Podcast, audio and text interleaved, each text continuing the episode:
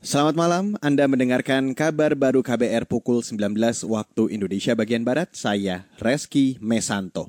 Pemerintah mengklaim terus mengevaluasi efektivitas penerapan pembatasan sosial berskala besar atau PSBB di berbagai wilayah di Indonesia. Juru bicara pemerintah untuk penanganan COVID-19 Ahmad Yuryanto mengatakan, pemerintah terus meningkatkan penelusuran terhadap 16.000 kasus positif COVID-19 di Indonesia. Pemerintah juga terus meningkatkan jumlah pemeriksaan spesimen warga yang diduga terpapar virus corona telah diperiksa sebanyak 178.602 spesimen. Dengan TCM itu sudah mencapai 849 spesimen. Kasus konfirmasi COVID-19 yang positif sebanyak 490 orang. Totalnya menjadi 16.496 orang. Kasus sembuh bertambah 285 orang sehingga menjadi 3.803 orang. Kasus meninggal ada 33 orang menjadi 1.076 orang. Juru bicara pemerintah untuk penanganan COVID-19, Mat Yuryanto, juga mengklaim pemerintah terus memperbaiki pelayanan kesehatan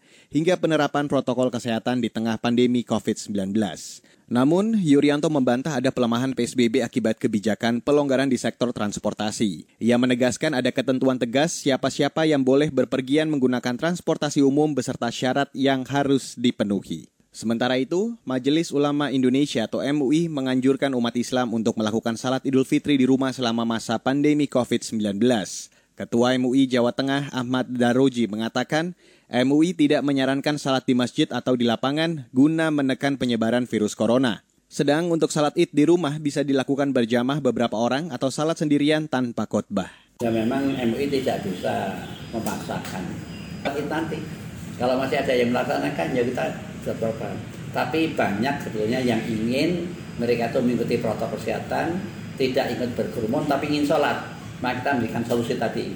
Bisa sholat di rumah dengan tuntunannya kita sudah buat dan contoh yang gampang dilaksanakan. Sudah kita lakukan. Ditemukan pendapat para ulama bahwa sholat id bisa dilakukan di rumah. Kalau sendirian ya tanpa khutbah. Ketua MUI Jawa Tengah Ahmad Daruji menjelaskan MUI telah mengeluarkan tuntunan tata cara salat Idul Fitri dan khotbah pendek selama pandemi. Tuntunan itu diharapkan bisa memudahkan warga, terutama bagi warga yang tidak biasa menjadi imam atau menyampaikan khotbah.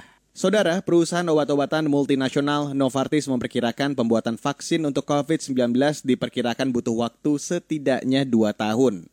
Salah satu bisnis vaksin Novartis telah dibeli perusahaan farmasi GlaxoSmithKline atau GSK yang sedang berlomba menemukan vaksin virus corona. CEO Novartis Van Narasimhan mengatakan hasil studi klinis pertama calon vaksin diperkirakan sudah bisa diketahui pada musim gugur tahun ini.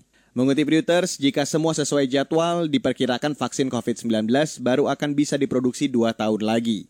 Sementara itu, sejumlah ahli farmasi juga menyebut tidak ada vaksin yang diperkirakan siap digunakan untuk menangani pasien COVID-19 sampai setidaknya tahun depan.